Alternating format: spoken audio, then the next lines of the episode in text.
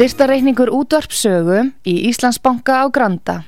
Útubú 513, höfubók 26, reikningur 2.11.11. Nánari upplýsingar á útvarpsaga.is. Takk fyrir stöðningin.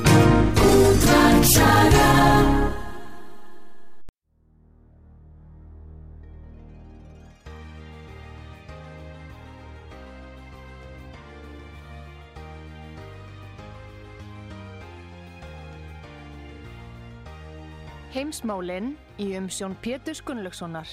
Fréttir og fréttatengt efni af Erlendum Vettvangi.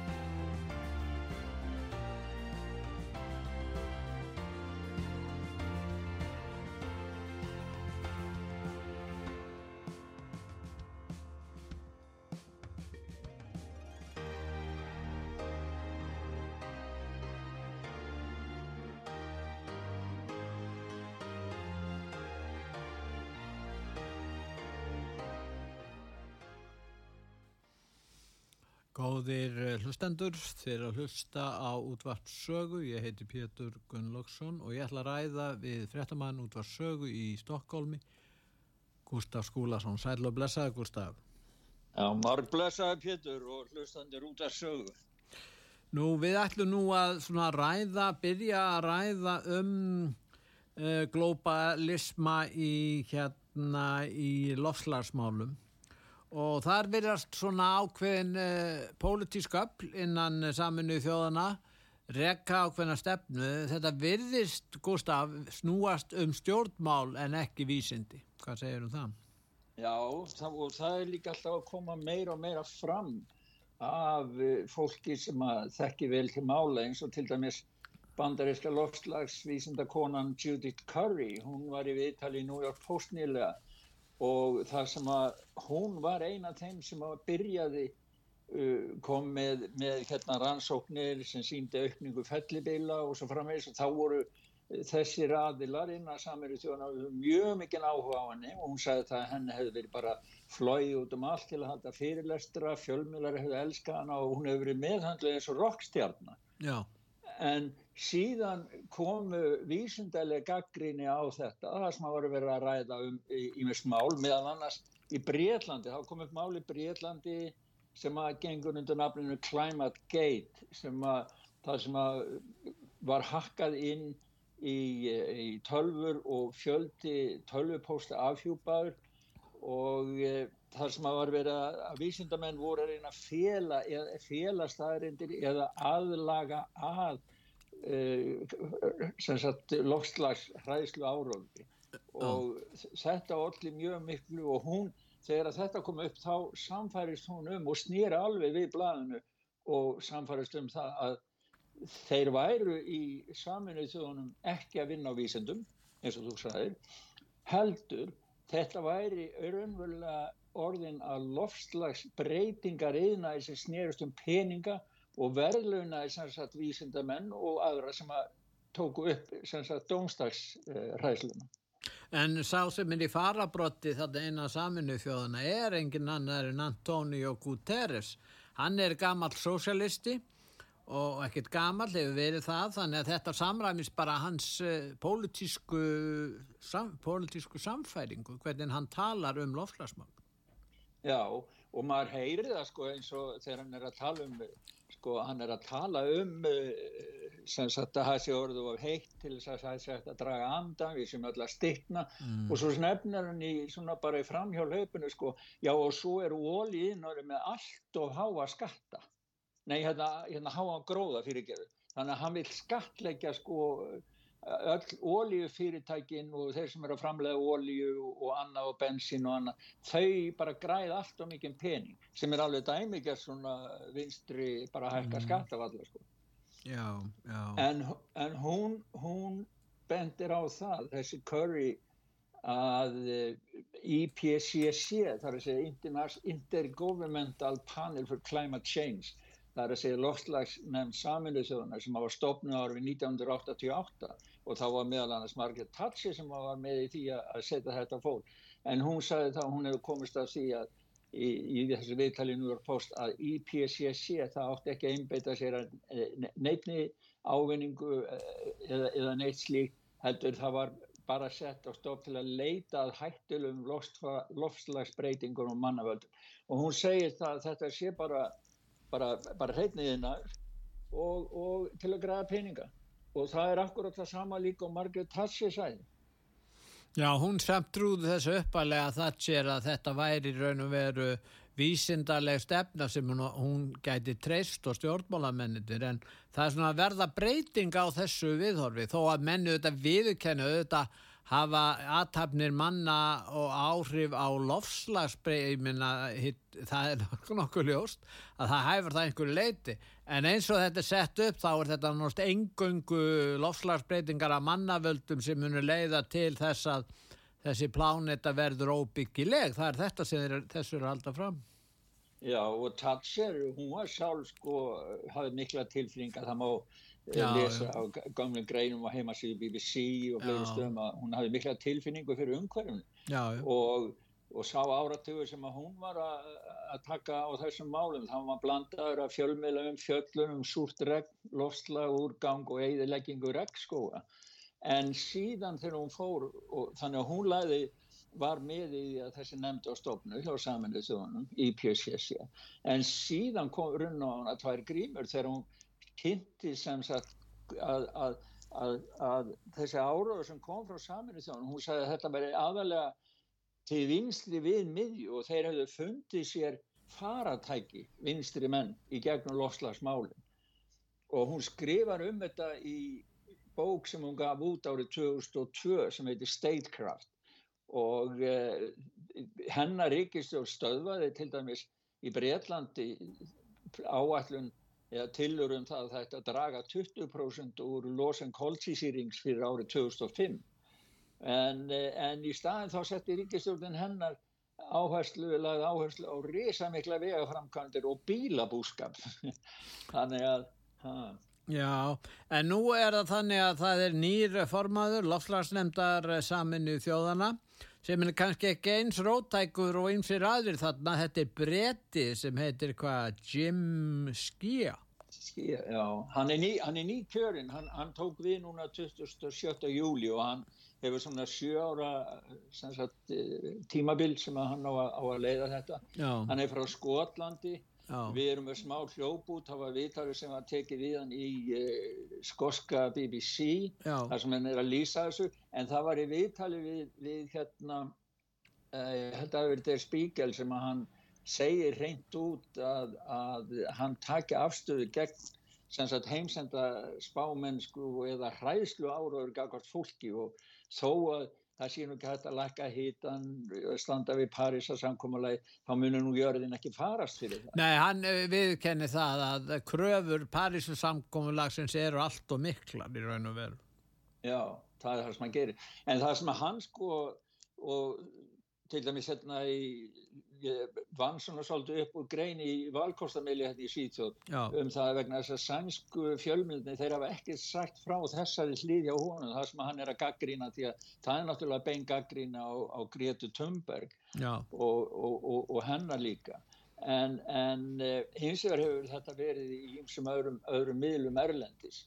Við ættum kannski að heyra við heyrum hvað hann hefur að segja, hann Jim. Já Well, it's an interesting debate that you, you know, that we've had in, in, in IPCC about how to message our reports, because obviously, with what's going on at the moment with extreme weather, wildfires, etc., it can induce a sense of sort of panic and almost mm. despair about the future. And we've really also thought very carefully about we need to, you, you know, leaven the gloom with some hope And you send out a clear message that human beings have an agency over their own future. We can take action that can avoid some of the worst consequences of climate change. And we need to set that out clearly for, for people. So avoiding the sense that we're going to be paralyzed because we face an existential threat is not going to help us. We need to think about the action we can take.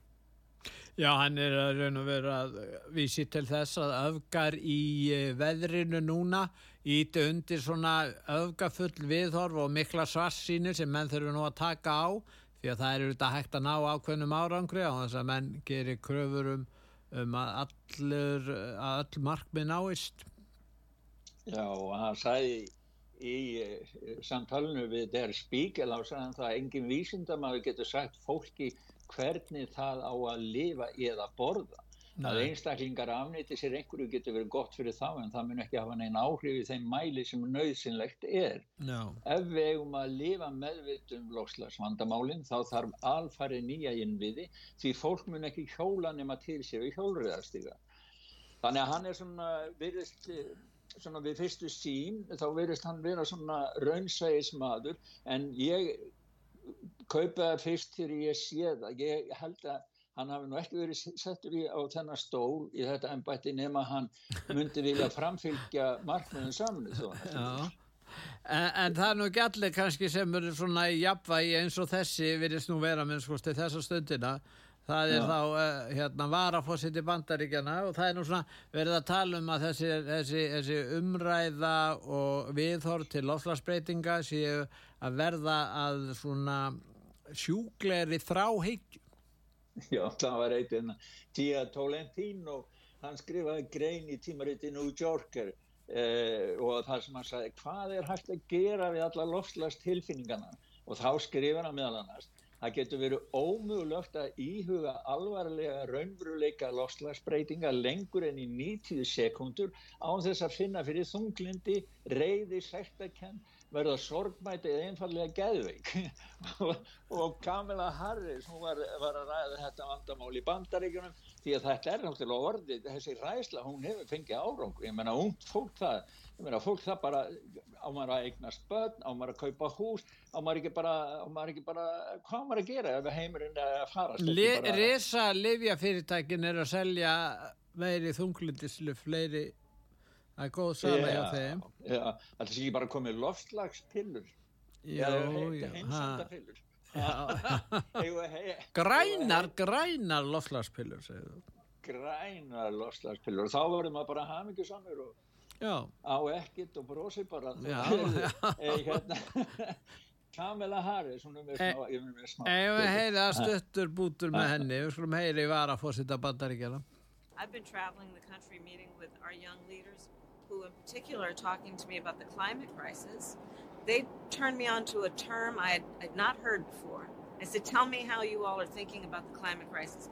And they shared with me a term, climate anxiety.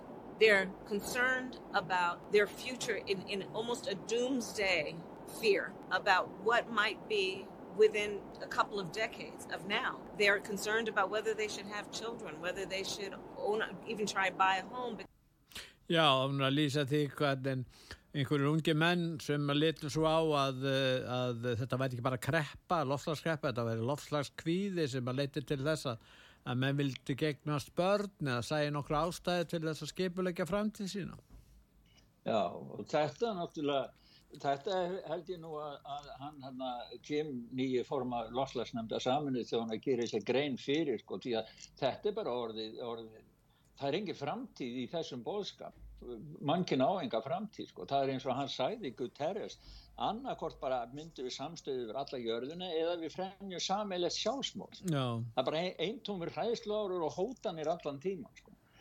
og þetta finnst mér svona samantekið stemma nokkur megin vel við það að vinsturmenn hafa nota tækifæri út af áhegjum manna út af veðufari og hittastíði og allt það og umhverfinu og við séum að, að, að gera umhverfi óhreint og allt það. Að þeir hafa bara tekið, tekið þetta til sín og gert það sínu máli. Þannig að þetta er bara hvað ég voru að segja, dasgrá sósialismas sem verið er að denga yfir allan heiminn frá saminuð tjónum, frá alþjóð heilbyrðismálastofnunni og, og í samstarfi þá við e, stór risa, lífjaliðrisanna og stór fyrirtækin og náttúrulega World Economic Forum.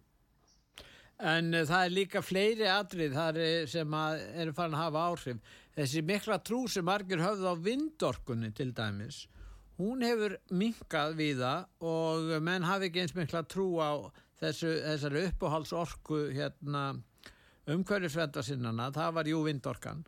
Og Já, nú er að koma í ljós að eh, ramagsnóðinu þurfa að greiða hansi mikið með þessu.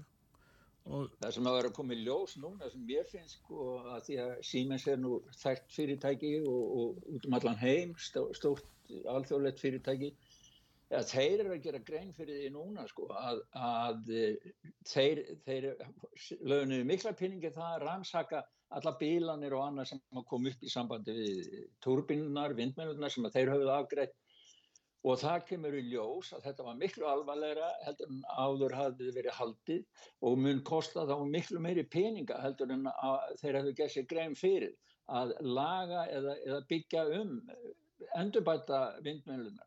Það var nefnilega þannig að þegar síma, þetta byrjaði þá keifti símans sem hefur sjálft verið með einu svona þróun á tæknið þróun og reynd hlutana sjálfur og síðan komum marga til þess að vera öryggum með vöruna, þeir hoppuði við það stíl þeir keiftu spænst fyrirtæki eh, Gamesa sem að sögðu, þar sem að verkfæringi því fyrirtæki sögðu við sími, já menn við erum búin að prófa þetta allt saman. Svo þeir keiftu af þeim túrbínuna sem voru settar á vindmennuna og síðan kemur við ljós að túrbínuna haldi ekki. Því að lagarinnar í túrbínunum eh, dög ekki og þá brenna þær ofur hitna og brenna og svo eru spaðarnir á skrúunum í vindmjölum, þær eru vittlust hannaðar Þannig að þeir þurfa núna, það eru minnst ástu 20 miljardar sænska, það eru tæmlega 300 miljardar íslenska króna. Allt kemur þetta, bara sem þeir þurfa að kasta út, bara til að reyna að leira þetta og laga, sem er náttúrulega miklu dýrar núna ef þeir, ef þeir hef, heldur en hefur verið, ef þeir hefur vunnið þetta rétt frá byrjum.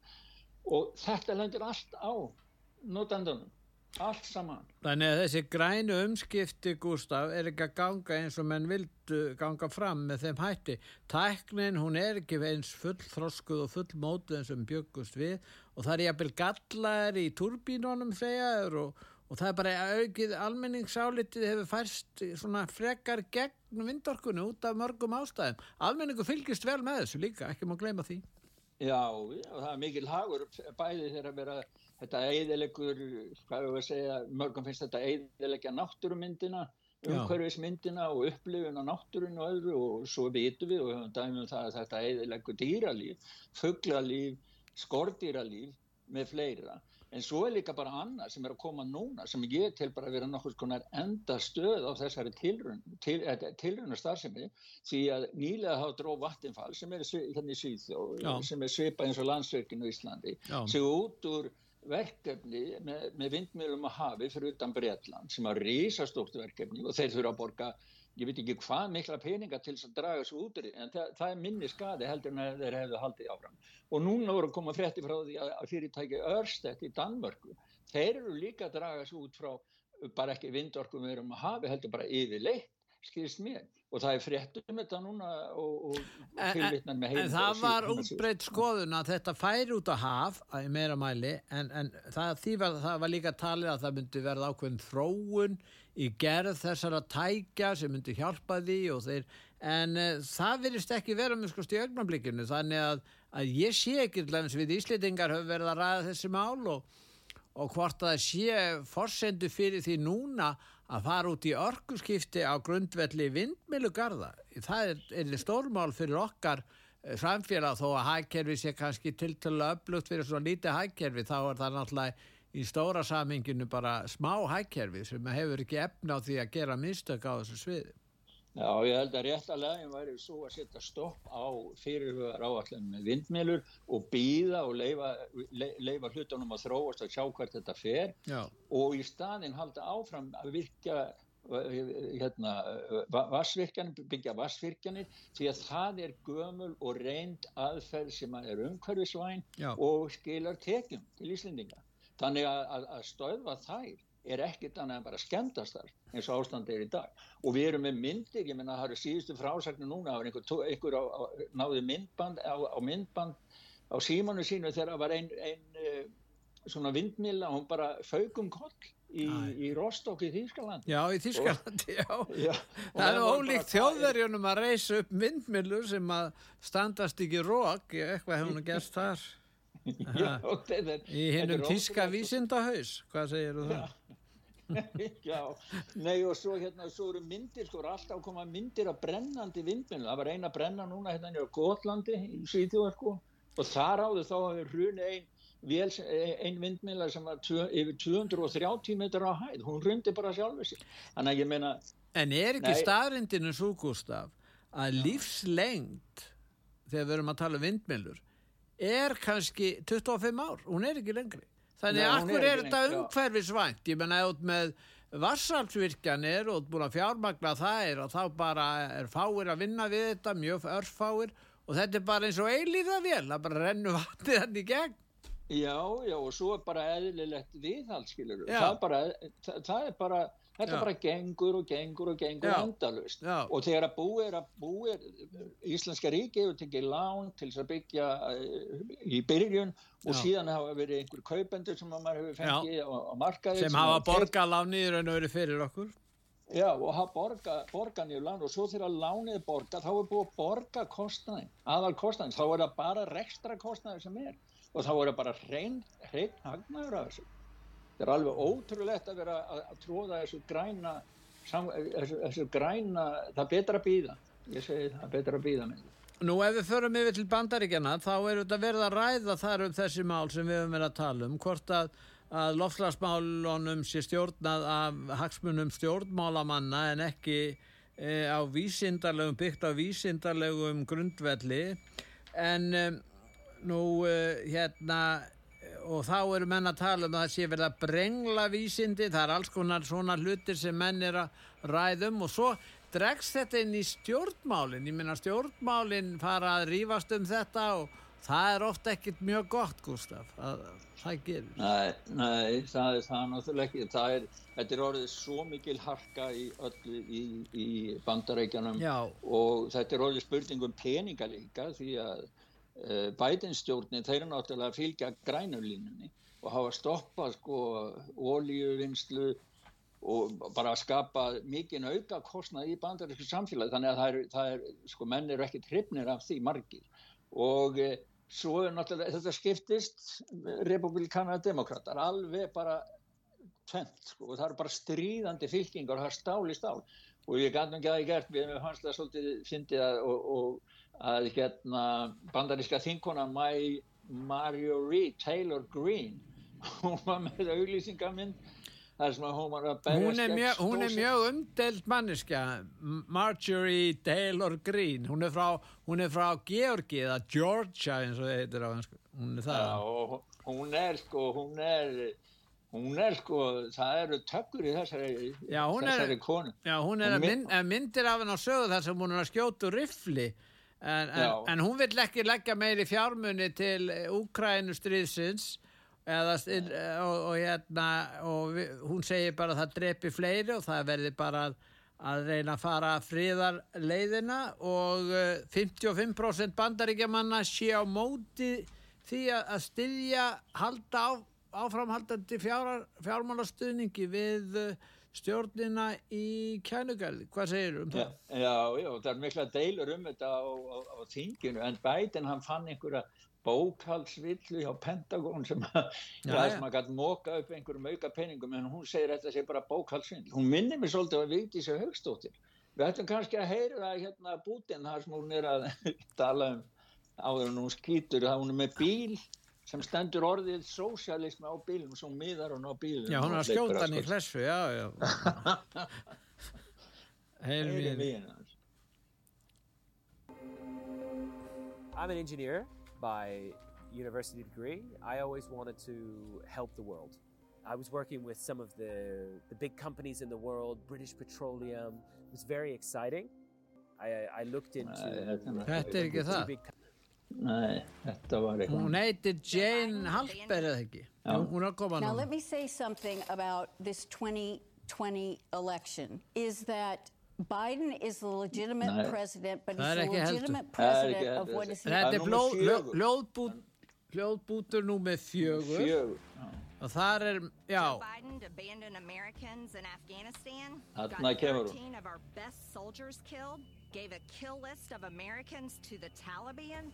And armed an Islamic terrorist nation with $83 billion in weapons, like this one. Biden should be impeached. Now I'm doing a gun giveaway of my own, but for Americans only.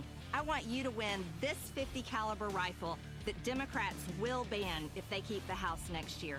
While Joe Biden broke America's pledge to never leave a man behind, Nancy Pelosi is sneaking the Green New Deal into the $3.5 trillion budget. And in 2022, I'm going to blow away the Democrat socialist agenda. Sign up to win my 50 caliber gun before Joe Biden bans it. já, hún ætlar að að- að bjóða fólki upp og eignast þessa byssu sem hún er með það. Já, þetta er alveg svakalega byssa sko. og Þetta er, nei, nei, er, hún er bara harður talsmaður fyrir sína, sína, Já, já. sinn málstað sko. Hún er það. Já, hún er svo svolítið fyndin og skemmtileg. Ég hef séð hana, hún er svona, þeir náttúrulega þeir sem eru á mót henni bara verða að sjá bara raukt þegar hún byrtist, sko. Alveg, eins og var með Vigdís og Haugstóttir á Íslandi sko. Ég segi það bara, hún er Vigdís Haugstóttir bandaríkjana, þessi kona sko. Já, Erðu, svo vorum við með hérna, hérna sko annað, annað, hljó, annað hljóðbút frá konu sem heitir Jane Halper, heitir hún það ekki? já, Jane Halper Hayes. Já, og hún var formaður í klubbi Overseas klubbi republikana í Bretlandi. Og hún er í viðtali við breska, brest sjónvarp GB News, Great Britain News og þeir eru svona hattmæla Trump, þeir eru svona hattmæla Trump og annað en hún ver Trump. Og það koma ansi miklar þungar upplýsingar hjá henni bæði sko varðandi Trump varðandi það var verið að gaggrína hann hefði ekki kunnað að haga sér þegar hann var með Elisabeth og já, og, og, og um kostninga þar sem hún segir sjálf að, hafi sér kostningasinn og ástæðan fyrir því að öll þessi, allar þessar ákærur og allt þetta sem er að skeða núna með Trump segir hún að sé vegna þess að Trump hafi ekki viljað, hann hafi vita miklu meira og herin hafi vita miklu meira en Trump hafi ekki þórað að byrta það allt saman því að hann óttaðist borgarastýrður bandaríkun. já. Þannig að við ættum að heyra. Við ætlum að heyra hvað Jane segir. Now, let me say something about this 2020 election is that Biden is the legitimate president, but he's the legitimate president of what is now the bankrupt U.S. corporation. And that was a treaty in 1871. Well, on September 12, 2018, Trump created an executive order. Within that, he outlined in future elections any kind of foreign or domestic interference, specifically for the 2020 election. So we say, how did he know some of these things were going to happen? Election integrity on both sides of the aisle is tough. It's really tough. But what this has done is it's opened the door for Trump to present his case. Think about Edward Snowden and all the information he had. Think about the fact that our military, our Department of Defense Space Force, if you think that they don't have the actual real results from the election, then you're fooling yourself. They've got the goods. They've got the goods. And Trump knew that if he presented any of the goods early on, we'd have a civil war. That he really felt that the people needed to see how bad it could get. What he's really done is he set up the deep state. We owed you a lot of money because you helped us in the Civil War. And so that is what Trump has now, to- he told the Queen, I'm ending this. We're dissolving this corporation. We're going to go back to being a republic and we'll all be separate. The Pope wasn't happy. You should find the picture of him visiting the Pope. It took 650 planes to remove our gold from the Vatican Bank. Já, hún, þetta er náttúrulega svolítið skrítin yfirlýsing frá henni hún er í raun og verið að segja að Trump búi við einhverjum upplýsingum varðandi kostningasvinn, þá lítur hann leggja það fram í, í þessu réttarhaldi sem er vantarlega framöndan Já, í, í, hún, hún vil meina það að í öllum þessu réttarhöndum sem eru framöndan þá fái framöndan þá fái Trump getur hann tekið inn þessi rauk inn í réttarhöldin og þessar upplýsingar og fengið þar með á lagalegum grundvelli sem satt úrskurðum máli. En hún er að tala um einhverja íhlutun breytaveldis og, og Vatikansins inn í bandarísk fullveldi sem að Trump hafi rofið og... og, og ég, Já, ég, nei, nei, nei það er ekki alveg svo leiðist. Það það er til eitthvað sem heitir samkomlega sem það er gert millir bandaríkjana, Vatikansins og Breitlands eftir stríðið í bandaríkjana Já, borgarastríðið Bor, borgarastríðið, því að eins og hún sæði þið lánuðu okkur Breitarnir lánuðu bandaríkjana svo mikla pening og Vatikani hefur ábyggilega gert það líka. Þeir hafa fengið pening að lána frá og þá, samkvæmt henni þá segir hún að það hafi verið hún vittnar hann í ártalið að það hafi verið búið til svona samkómulag það sem að Trump kallar hlutafélag en það er, er, er samkómulag það sem að sko bandaríkinn hafi verið að borga nýður af skuldin í öllu þess að en Trump hann stóð, hann sagði það núna er þetta búið, við hættum þessu. Og svo fluttu, fluttu Trump og bandaríkinn sem að hún segir 625 flugvilar á gulli frá Vatikanbankanum. Og þess vegna segir hún að Páin sér svo svo óhamingi saman með það og hann hafi verið að segja þetta hafi verið aðalbóðskapur hans þegar hann hitti Elisabeth uh, englandsdrottningu að láta hann að vita að sem sagt að væri þeir væri hættir þessu væri loki þessu samstarfi frá 1800 og eitthvað þeir væri loki núna. Og bandaríkinn hann alltaf einbleina sér því að bandaríkinn væri bara líðvölda aftur einu, einu sjálfstöð Já ég svona Margir... Já, nei, maður þarf að kynna sér þetta betur. Já, sko, ég, ég, botna nú ekkert í þessu, ég verð að segja alveg svo er. Þú setur þetta fram, sko.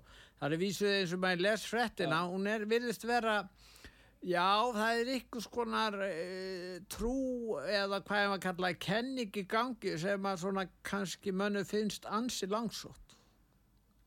Já, ég veit ekki, sko, ég, sko, það lítur nú að vera, sko, sagt eh, breska krúnan, Vatikani og Bandareikin hafi gert minnst í samkomulega 1871, það hljóta að vera til heimildar alveg fullkomlega heimildar um það já.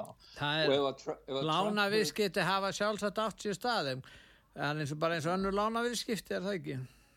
Já, já, en það er náttúrulega sko þetta er hennar, hennar frásögnar sjálfsögðu, en hún hún vísar í það sem er satt úr ég að þegar Trump var fórsiti þá stofna hann sérstaklega game herdeild innan bandaríska hersins. Og, og hún vil meina það að þeir viti nákvæmlega hvernig kostningarna fóru. Og hann, hún er að segja það þeir vita hvernig kostningarna fóru hafa öll gögni hjá sér en Trump stoppaði að það væri sætt því að hann óttaðist borgarastyrjöld í bandaríkjum þetta er hennar, hennar frásöld Það kemur í ljós hvernig þau mál þróast núna í þessu réttarhaldu. Mér skilst að fjórða átkjaran á hendur Trump sé í undirbúningi frá Georgíu þar að segja hann að hann sakar um að var reynd að hafa einhver afskipti af eh, kostingunum í fylkinu á sínu tíma. Já, Þannig að þetta heldur áfram. Heldur algjörlega áfram, sko. Það, það, það, það virðist vera um leið og, eitthvað, um leið og kemur eitthvað afhjúpun á Joe Biden þá kemur bara, bara nýjum lögfrængi séu fram með nýja ákæru og hendur Trump. Yeah. því að sko taktikin er hjá demokrautunum það er það að Trump má ekki sjást. Hans málstafur má ekki sjást eða heyrast í fjölmiðlunum. Þess vegna á að kæfa innihaldið í boðskap Trumps fyrir því að hann á kjöri sem fórseti bandarækjan á næsta ári þá að kæfa hann, hann á aldrei að ná gegn því að þetta er það sem á að sjást í staðin En fylgi hans hefur farið vaksandi eftir því sem ákjærum hefur fjölgað sem er nú svolítið sérkjærlegt Já, sem, já Þannig að hann lítur að fagna núna fjörðu ákærunni, það bara fylgir ég fer upp í skoðanakönnu segir hann þá. Já, Nei, en það, bara, það er það sem að demokrater og margir skilja ekki. Hann er með traust hins venjulega heiðalega vinnandi bandarækjamanns það eru bænd menntur, það eru verkamenn og það eru líka, líka litaðir og aðrir, en þetta, þetta kalla demokrater fly over country, þeir fljúa bara yfir þetta, þeir, gefa, þeir, þeir, þeir skipta sér ekki af venjulegum heiðalögum bandaríkjaman, því þeir eru allir að hugsa um völd og peninga í djúbríkinu í Washington. En við erum með hérna smá hljóput frá honum hérna... Ted Cruz. Ted Cruz. Hann er öllum að delta þingmaður republikana í Texas-fylki. Já. The oligarch who owns Burisma paid $5 million to Hunter Biden and $5 million to Joe Biden in exchange for Joe Biden's help getting rid of the prosecutor that was investigating Burisma and investigating that oligarch. The quo we know happened because, as you noted, Joe Biden has confessed to it in a video interview where he said he went to Ukraine he held hostage a billion dollars in U.S. loan guarantees and demanded of the Ukrainian government fire the prosecutor that is investigating Burisma and investigating the oligarch. We know the quo ha- happened. The only question was did the quid happen? Did they pay $10 million for him to do so? If so, Joe Biden is guilty of bribery. Hunter is guilty of selling bribes, selling official favors from his father. And if that is the case, Joe Biden should be impeached. He should be removed from office. He should be prosecuted and he should go to prison. And he should share a cell with Hunter for corrupting the government of the United States. Já, hann er að fjalla um þetta fyrirtæki, oljufyrirtæki Burisma í Úkrænu sem að greiti Hunter fyrir, eða fyrir að, ég veit ekki hvaða þjónustu hann átt að veita þeim, en síðan er spurningu um þessa tíu miljónir sem að eru upplýsingar um að hann átt að fekk 5 miljónir af því, hann Hunter og síðan átti annar hérna að hafa fengið og þeir segja að það sé og geti verið og sé líklega Joe Biden eða Joe Biden fjölskyldan er að fá allavega þessa 10 miljón dólar sem er alveg gífulegar uppæðir og, og þetta virka bara eins og, eins og Hunter sé sölumadur uh, fósittans að selja þegar hann var varafósitti fósitti núnærandi að hann sé að, að, að selja aðgangað honum og upplýsingar og fá hann til dæmis til þess að, að þvinga saksóknara í Úkrænu að lögsækja ekki búrisma gegn því að, að, að, að hann við kemta það sjálfur í sjónvarpi, hann Joe Biden,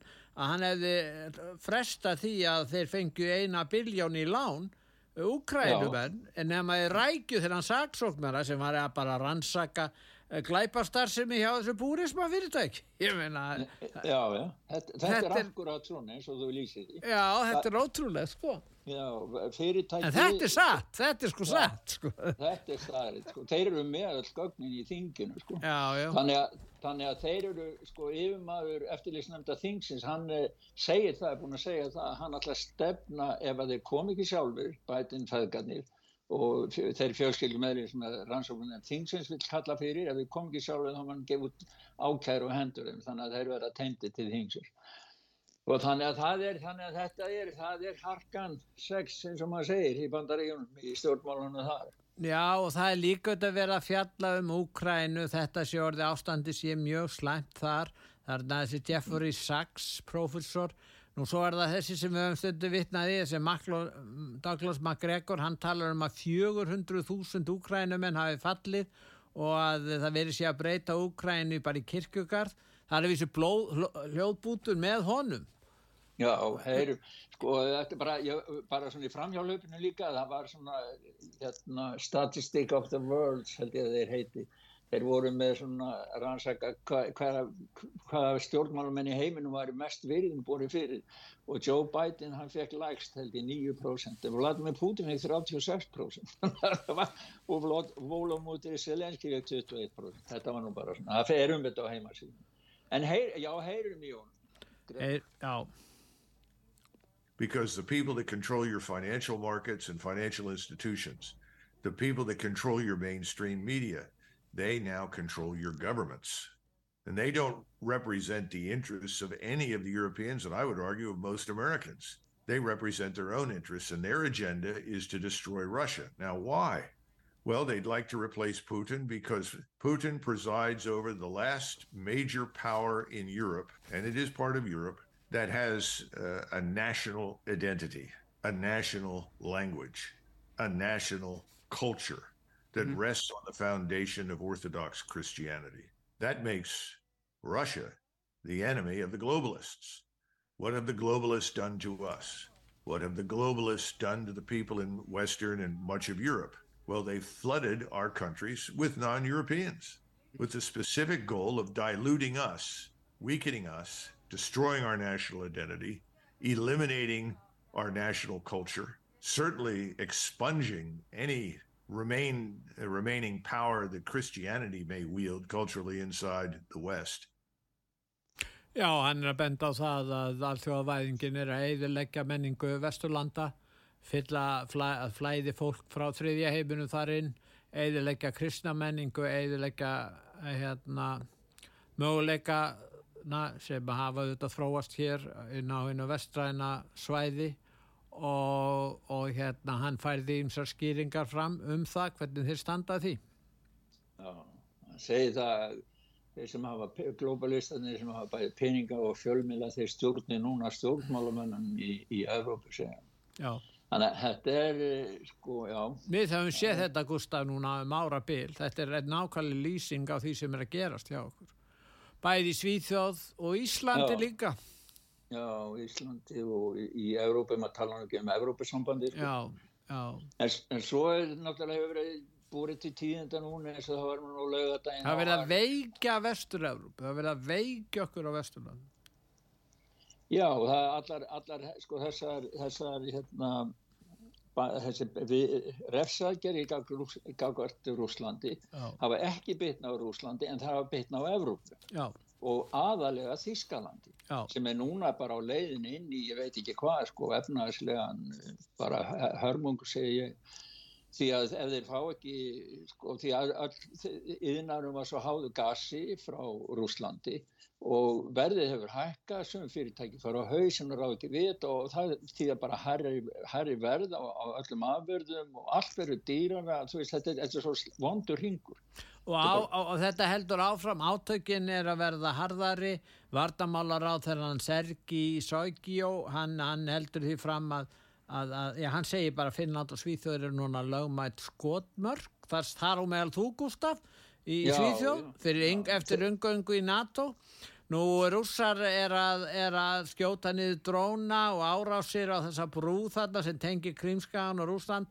Eh, þeir einbeita árásum, þeir eru einbeita hérna, skotmörkin frá Úkrænu beinast að þessari brú. Þeir, Já, voðalega mikið sko og síðan er það spillingin að margir í Ukrænu telja að Selenski sé spiltur og Selenski er að afhjúpa spillingu aftur á móti hjá ennbættisbönnum þannig að þetta er allt bara, bara slæmar frettir frá þessu sveiði, það verður bara að segja þessu sveiði. Já, það verður bara að segja það. Já, það var að gera konun hérna í Úgræn og 77,6% landsmann að telja að fórsetin byrja beina ábyrð á spillingunni ríkistjórnun hjá herrstjórnin. Þannig að það er nokkið víst að hann njóti nú stuðnings alveg allra þar sko. Nei. En við skulum hlýða núna á ölsingar þið er að hlusta á útvart sögu ég heiti Pétur Gunnlaugsson og ég er að ræða við okkar mann Gustaf Skúlason í Svíþjóð nú við ætlum að hlýða á ölsingar og eftir ölsingar hlýða þá höldum við áfram umlæðinu fyrir til Þískalands og það er ímislegt að gerast þar Gustaf Absolut.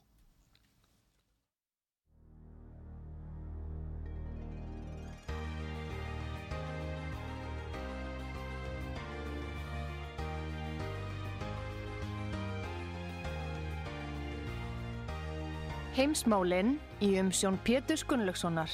Fréttir og fréttatengt efni af Erlendum Vettvangi.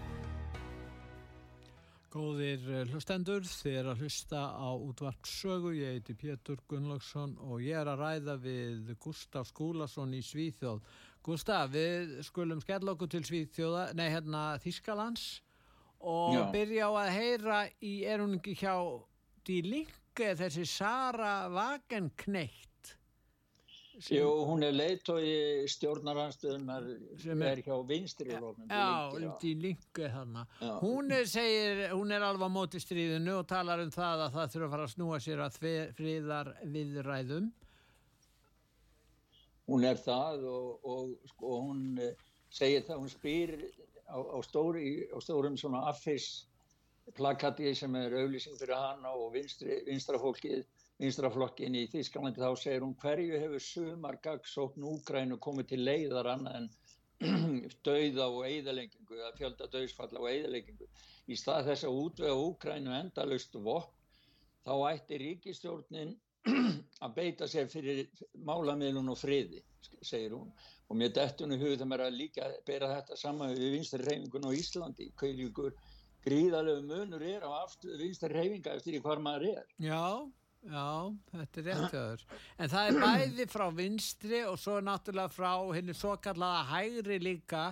En það er bara þannig að uh, það eru svo margir þjóðverður á móti ríkistjórnin og þeir, það er nú meira þess að einn stundismadur Angela Merkel sem vann með henni. Hann segir að hann hafi byrja ábyrð á því að hafa eðurlagt Þískaland með því að styðja stefnu Angela Merkel. Það er, menn eru farin að tala á þessum nótum. Já, það er þetta, þetta er nú til marg sem það hvað ástandi er orðið sko þrungið í Þískalandi segi ég þegar Já. að fyrirverandi varaformaður þingsflokks kristdemokrata kemur fram núna Já. og ásakar Angelu Merkel fyrir að hafa eðilagt Þískaland og, og er svona eh, hvað ég var að segja, byggjast afsökunar framan, framan í, í þýsku þjóðina að hann hafi nú, hafi nú verið með henni í því en málið er það að sko það sem eru undirrótin í þessu það er það að fólk eru orðið svo þreytta á, á, á ástandinu að eh, flokkurinn eh, alltinn eða valkóstur Þýskalands hefur snar auki fylgisitt og orðið næst, er orðið stærri en sósildemokrataflokkurinn og næst stærsti flokkurinn og eftir kristdemokratum í Þýskalandi.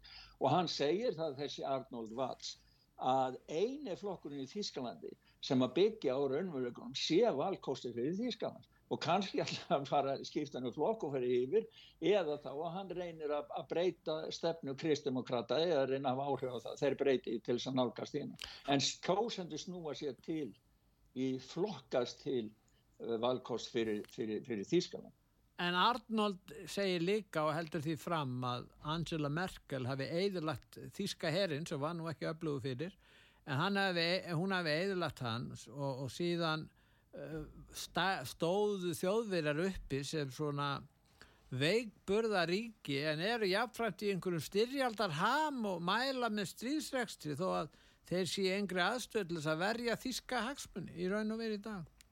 Já, það fer í gegnum Európsambandi Európsambandi er búið að opna það og leggja gríðar um eitthvað peningi það að fara að stofna Európskan ég er með grunar að það sé e, það og leiðina sem að þjóðverða munu fara til þess að endur þessa endur þessa herrgagna framleyslu og annað sko.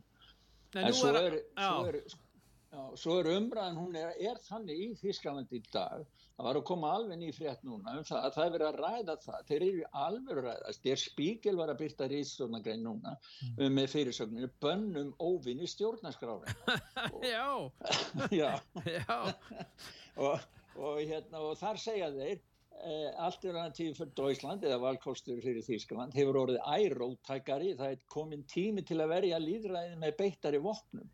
En það er hins vegar bent á það. Þetta er frétt sem er tekinn frá bæði Telegraph og vitnaði fleiri, fleiri aðra miðla líka að eh, það er maður sem er stjórnmálafræðingur Volker Bohemi Nestler að hann segir að það sé ekki hægt því að stjórnarskráin tryggi líðræði svo mikið í Þýskalandi. Það sé erfitt, það var reynd að banna annan flokk en það gekk ekki. Þeir eru með stjórnlaga domstól þeir eru að senda máli þangað e- ef að spíkel heldur að þeir nú að banna eða fást til að banna, að banna þennan flokk þá er það alltaf að fara þá uh, réttu leiðina í því sambandi. En það sem kannski vekur ekki ennþá meiri aðtekli er að fjórir af fimm þjóðverjum að það eru hvað 80% þjóðverja sem eru ekki ánaðir með núverandi ríkistjórn í Þískalandi Já, þannig að það er gríðalegu titringur í stjórnmálunum í Þýskalandi, maður finnur það. Og þetta er svona, endur ómar svona svipa eins og þegar svíþjóðdemokrata voru að ná fylgi hérna og voru að keppum það að ná verða stærri en móti ratarnir, það var voðalega mikið En það verðist ekki hafa neitt að segja því að, að Moderata hlustar ekki á Svíþjóðdemokratana. Þeir leipa bara fólkin inn í landi svona eins og hér á Íslandi. Já, Það er það, er ekki. aðalega, já, það, er, það, er, það, það sést enga breytinga, það eru fleiri Nei. innflytjandum sem kom í ár held ég Nei. en fyrir það sko. Já, en, en það er eins og er aðtöklusvert, þú veist að tala um það, þetta er til að banna þennan flokk, en það er aðtöklusvert að gerast í Pólandi vegna þess að pólverjar ætla að láta fara fram þjóðaratkvæðagreislu í held í oktober um hvaða stefni er ríkja varðandi innflutninga fólki þar að segja þeir að láta kjósa um, um málefni útlýtinga þarna í Pólandi þegar það á að þvinga pólverja til að taka móti hælisleitum, þeir vilja það ekki þannig að þeir ætla að segja við þjóðina hvað viljið þið gera? Hvernig líst þér á það? Já, þetta, já, mér líst mjög vel á það að þeir haldi þjóðratkvæðagreislu og þjóðan fóðu sjálf að skera úr um það. Já. en þetta, þetta er sem sagt ákvörðun uh, framkvæmdarstjórnarinnar og Európið sambandsins að koma á kvótakerfi og svo hefur menna borga sekt sko, það, í staðan fyrir að þvinga þá er það bara sekt en sem er náttúrulega þvingun líka. En, en, en sko það er ekkert verið að ræða um það Pólverið hafa tekið á móti einni og hálfri miljóna manns frá Úkrænu Já Það er ein og hálf miljón manns frá Úkrænu út af stríðinu í Pólandi núna. Já, þeir þurfa að halda þessu fólki útvegaði í húsnæði og mat og annað. Allt, allt. Þannig að, þannig að sko, en, en þeir segja hérna, sko, þeir, þeir vilja bara að fólki ráði hlutunum sjálf. Stiðjið því móttöku þúsund og ólöglegra inflytjenda frá miðurstulöndum og Afríku undir því þingaða flutningskerfi sem evróska embættismannakerfið hefur kynnt. Þetta er spurningi sem verður lög fyrir kjósendur í, í, ef ég hef skiljaði rétt í núna í þjóðaratkvæðinu. Já, þetta, er, þetta eru mjög góð tíðindi. Ég er mikill talsmaður eins og veist Gustaf, þjóðaratkvæðagreislur. Það er alveg bráðnöðsilegt einlega það er. Og hérna að það myndi verulega breyta mörgu í okkar þjóðlíf. Og ég vona bara að þetta gangi vel hjá þeim í Pólandi nú þjóðin ræður því, ef þjóðin vill opna landamærin þá vill meilhutti það. Þá bara verða það að taka þeirri niðurstöðu. Er það ekki þannig? Já, já, jú, jú það, er svo, það er bara svo það er ekki það er vísi en svo er Nei, annað að gerast þarna í Evrópusambandinu sem minnir á það sem gerist hér líka að þegar að COVID var þá voru við verið að prenta segla 420 miljard þá voru alveg Íslands stórfyrirtæki sem fenguð þarna úr, hérna, frá ríkinu og einhver smá fyrirtæki sem þurftur reyndar að endur greiða sína COVID styrki eða mörg fyrirtæki fengu ekki neitt eins og við hér en það er annar mál. En eh, nú er Evrópusambandið að halda áfram þessari þessari félagsmála stefnu fyrirtækjana þar að segja dæla peningum í stórfyrirtækin og láta almenning greiða fyrir þessa ríkisafstóð Þetta er sko, þetta er einhver smá með krossbráð þegar ég sá upp að hana þetta eru sjöföld fjárlög sænska ríkisins sem fara í þessi stórfyrirtæki svo eru þeir að tala um frjálsar samkjörn bara henda þeim geta þeir hend sér í veggin wow, og frjáls samkjörni sko. þetta er bara eins og gamla Sovjet þetta er bara, Evrópusambandi er bara líkast gamla kommunistka Sovjetinu alltaf meir og meir. Og ég veit að í sambandi við smáfyrirtæki því ég, að, ég hef verið að starfa við það að hjálpa smáfyrirtækjum í Svíþjóð, ég myndi að sækjum svona COVID-styrki og annað og mörgum tilvægum þá kom skatta, þeir breyttu reglugerðinni hérna í Svíði og átta sinnum á tól mánun fyrir styrkveitingunni og breyttu útreikningunum hvernig maður ætti að gera. Smáfyrirtækja reyngjöndu þeir hugsaðu ekkert út í það því það var hægt að fara inn á skatta, skattmeistaran hérna, skatta, já hvað heitir það, skattfyrirtæki hérna í Svíðjó og, og, og, hérna, og sækja um styrkin þótt að þeir hefðu breytt reglun og síðan kemur skatturinn á eftir og er að rukka tilbaka greiðsluna frá smáfyrirtækjunum. Ég hef aldrei heitað því að rukka frá stórfyrirtækjum og einn endurskóðandi, einn stærstu endurskóðandi skrifstofu hérna nýri bæði sem ég talaði við, hann sagði mér það að öll, í öllum tilveikum sem hann þekkti til að það hef verið endurheimt greiðsla smáfyrirtækjum þá hafa verið 100%. Já. Já. Þetta er alveg þetta er Við bara... vitum það að, að stjórnmála elitan og klíkan á Vesturlandi vill hafa viðskipti við einogunar fyrirtækin, stórfyrirtækin og, og hinn mennar ekki að tala við og, og, og gera ekkert fyrir. Þannig að þetta er bara til þess að halda yfirburðarstöðu þeirra stóra sem eru búin að koma sér fyrir á markaði oft með aðstöð ríkisins. Já Globalismi. Já, þetta er bara globalismin í allri sinni dýrð ef dýr skildi kalla. Hmm. Já, en sko. En við þurfum að tala núna um skuggalega hluti, það er umframdauðin og uh, Já. það er þessa dánatölur. Nú er að koma tölur fram og við vitum það vel að þeir sem að standa fyrir stóðu fyrir COVID, þeir hafneita öllum tölum og ljúa sig frá öllum, hérna, allri ábyrð í þessu málum, við þekkjum það En nú er tölu meðal annars stuttar af OECD, ég veit ekki hvort það er að taka marka því. Hvað segir um það? Ef maður fara í tölunar? Já, það var sko, það var eh, séti skísla frá smitt sjúkdómar varnastofnun eh, bandaríkjana. Já. Það eru, sko, það eru, þeir hafa ekki byrkt þetta ópenbarlega. Hins vegar hafa þeir matað OECD á raunverulegum tölum Já. og það voru þeir sem voru rannsakað þessi mál, þeir fóru og náðu þessar tölur frá OECD Já. því einhverju hluta vegna þá tekur OECD sapnar þeir saman tölum um, um, um dánartíðinu og annað og sko þeir segja hérna að í samanbyrðu við önnur lönd þá hafa bandar í stjórnvöld verið hræðilega léleg við að byrta við engat uppfærið gögn Og þeir sem vilja ekki byrta þessar upplýsingar sem þú varst að segja áðan, kannin. Þess vegna byrtist hún bara í OECD. Já, og síðan hefur þetta verið tekið á þetta er engar, þetta er, það er bara var 120.000 eh, börn og ungir fullorðnir sem hafa dái vegna hættulegra aukaverkana COVID-19 Já, það eru, bóluefna það eru einn svo kolluðu bóluefni. og þetta er í nákvæmlega sama, það hefur verið gerð ofinber sem að hagstofan eða gögn sko, sko, á, sko, í Bretlandi sem er ofinbert frá ríkinu þar og það myndaði graf á heimasíðu sögu og það er alveg skuggalegt að horfa á þetta sko.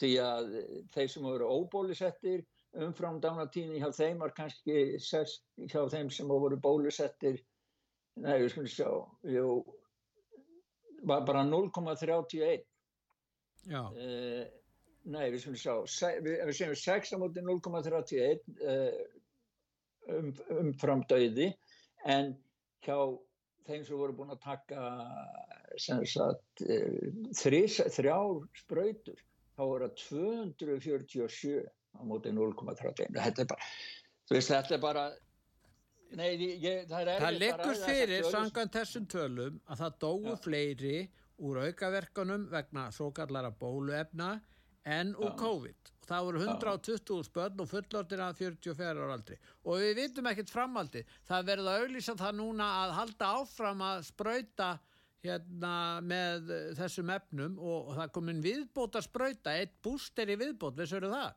Ég heyri það frá, frá CNN í gær, hún var voða ánægð með það, kettlingin, hún hefur kannski, ég veit það ekki.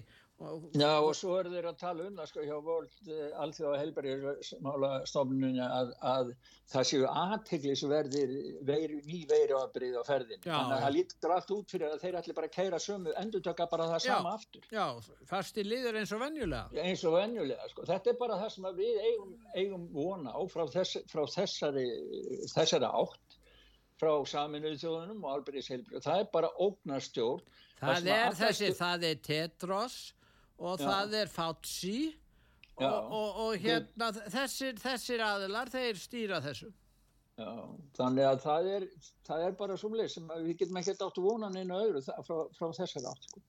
Erður, við glemdum alveg að ræða hérna eh, áðan hérna um kýrnar aðeins hérna, við ræðum það kannski síðast. Já, við tökum bara beljurnar og, e- við tökum beljurnar og eftir það er hérna, já, Já. við gerum það núna, það er, við, við erum með hljóðbút út af beljónum. Já, Já, já, já, það- er, það er prumpið, sko. Já, sko, það er nefnilega því að þeir eru, eru, eru í Kanada, þá eru þeir, það byrjaði að sæða kýr með erfðabreyttu sæði frá, frá, frá nautum til þess að fá kýrna til þess að hætta að rópa og þeir fullir að það, að það muni draga úr, úr sem sagt losun 20-30% fram að 2030 eða 2050 sem sagt erðabreytta kýr sem ekki rópa og þá benti nú einn í Finnlanda og það hjá mjölkursamsölunni í Finnlandi held ég að já, það getur hún kannski bara komið út í meltingatröflunum hjá kúnum. Og svo mér það nú bara í hug sko ef að kýrhausin, það nú maður skrítið í kýrhausnum Pétur, Já, ef að kýrhausin má fá 15 sekundur út af þessu sögu þá er þetta álit kýrhausins á lofslagsmarkninu saminuðu þjóðuna en það verður að byggja viðkama hlustundur að halda fyrir eirum næstu 15 sekunduna því að þetta eru skrítin hljóð við skulum að hlusta á þennan bút.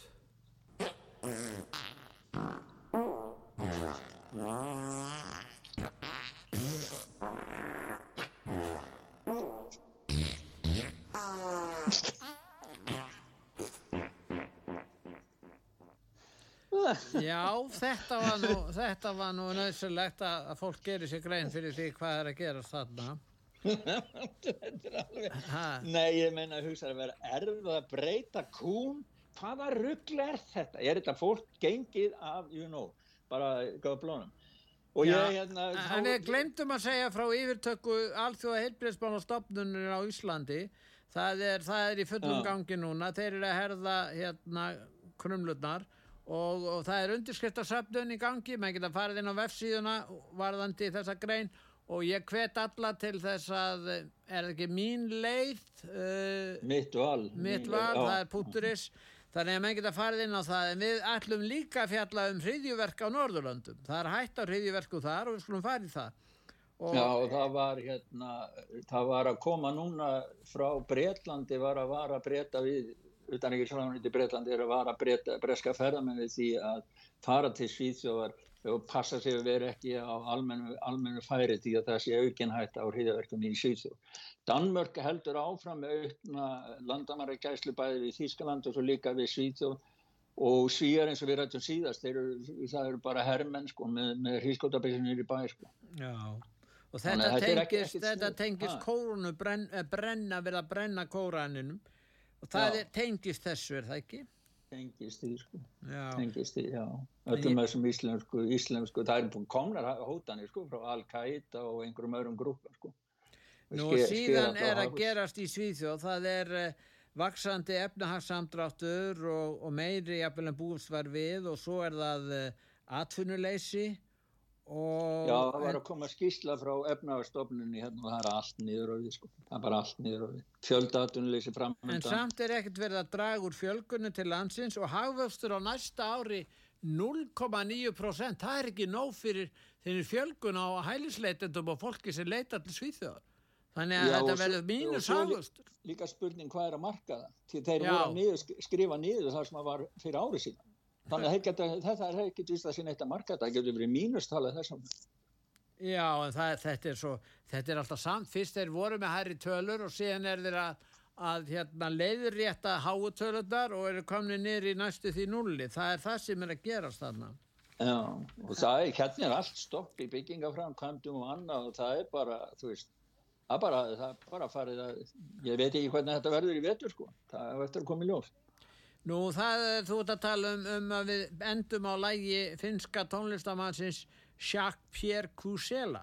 Hver er það? Já, já, það er, það, það er hægt að finna hann á Spotify, þetta er svona maður sem hefur sungið bara svona dæmigerða finska, finsk dægulög, en í einu dægulaginu þá er hann að gaggrýna hefbundna óperusöngvara fyrir það hvað þeir eru erfitt með að hlæja frá hjartanu þegar þeir eru að hlæja í óperun.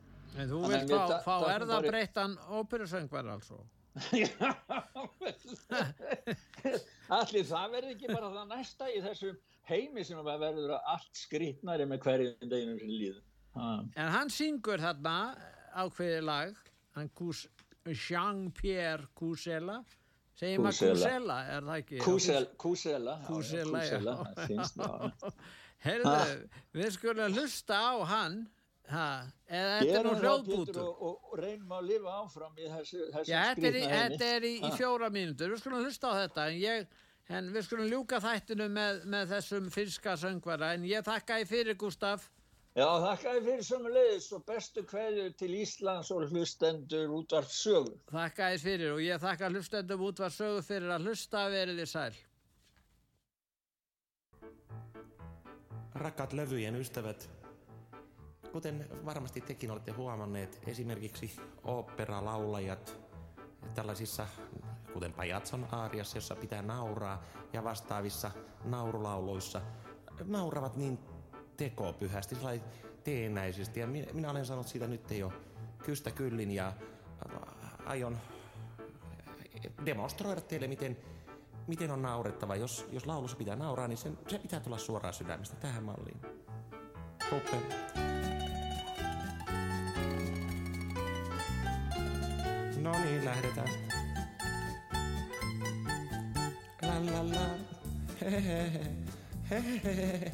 Hehehe. Hmm. No niin. Riemuiten kuljen kuin kuningas mä oisin, maantiellä herra on.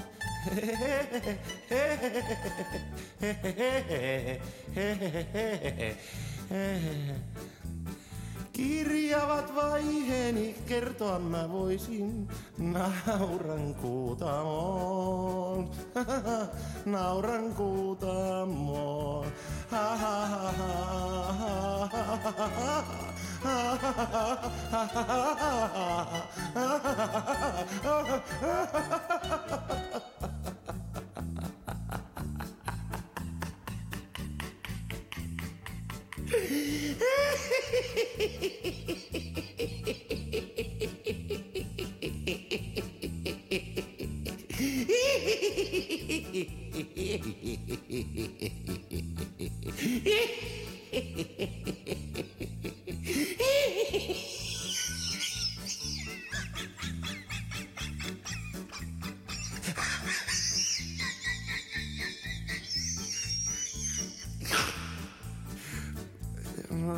Koko itses puppe.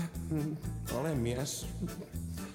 Kun Kaprin saarella näin mä kerran Chiinan kauniiksi mainitun.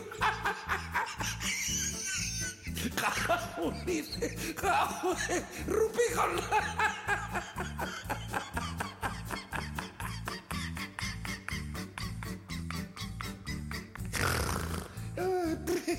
Uh, ai, ai, voida.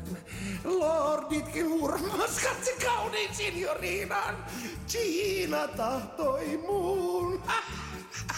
Kiina tahtoi muun.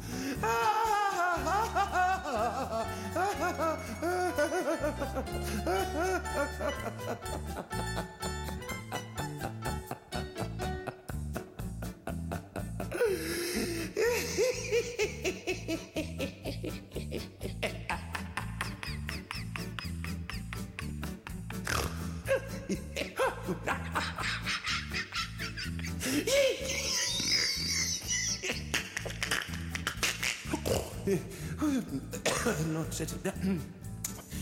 Mennään eteenpäin. Espanjaan saavuin ja mustasukkaisuuden miehistä nähdä sain.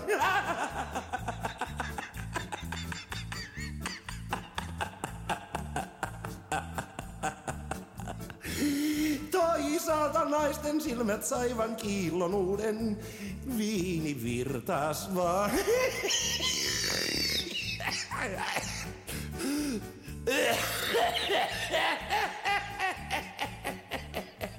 Viini virtaas vain.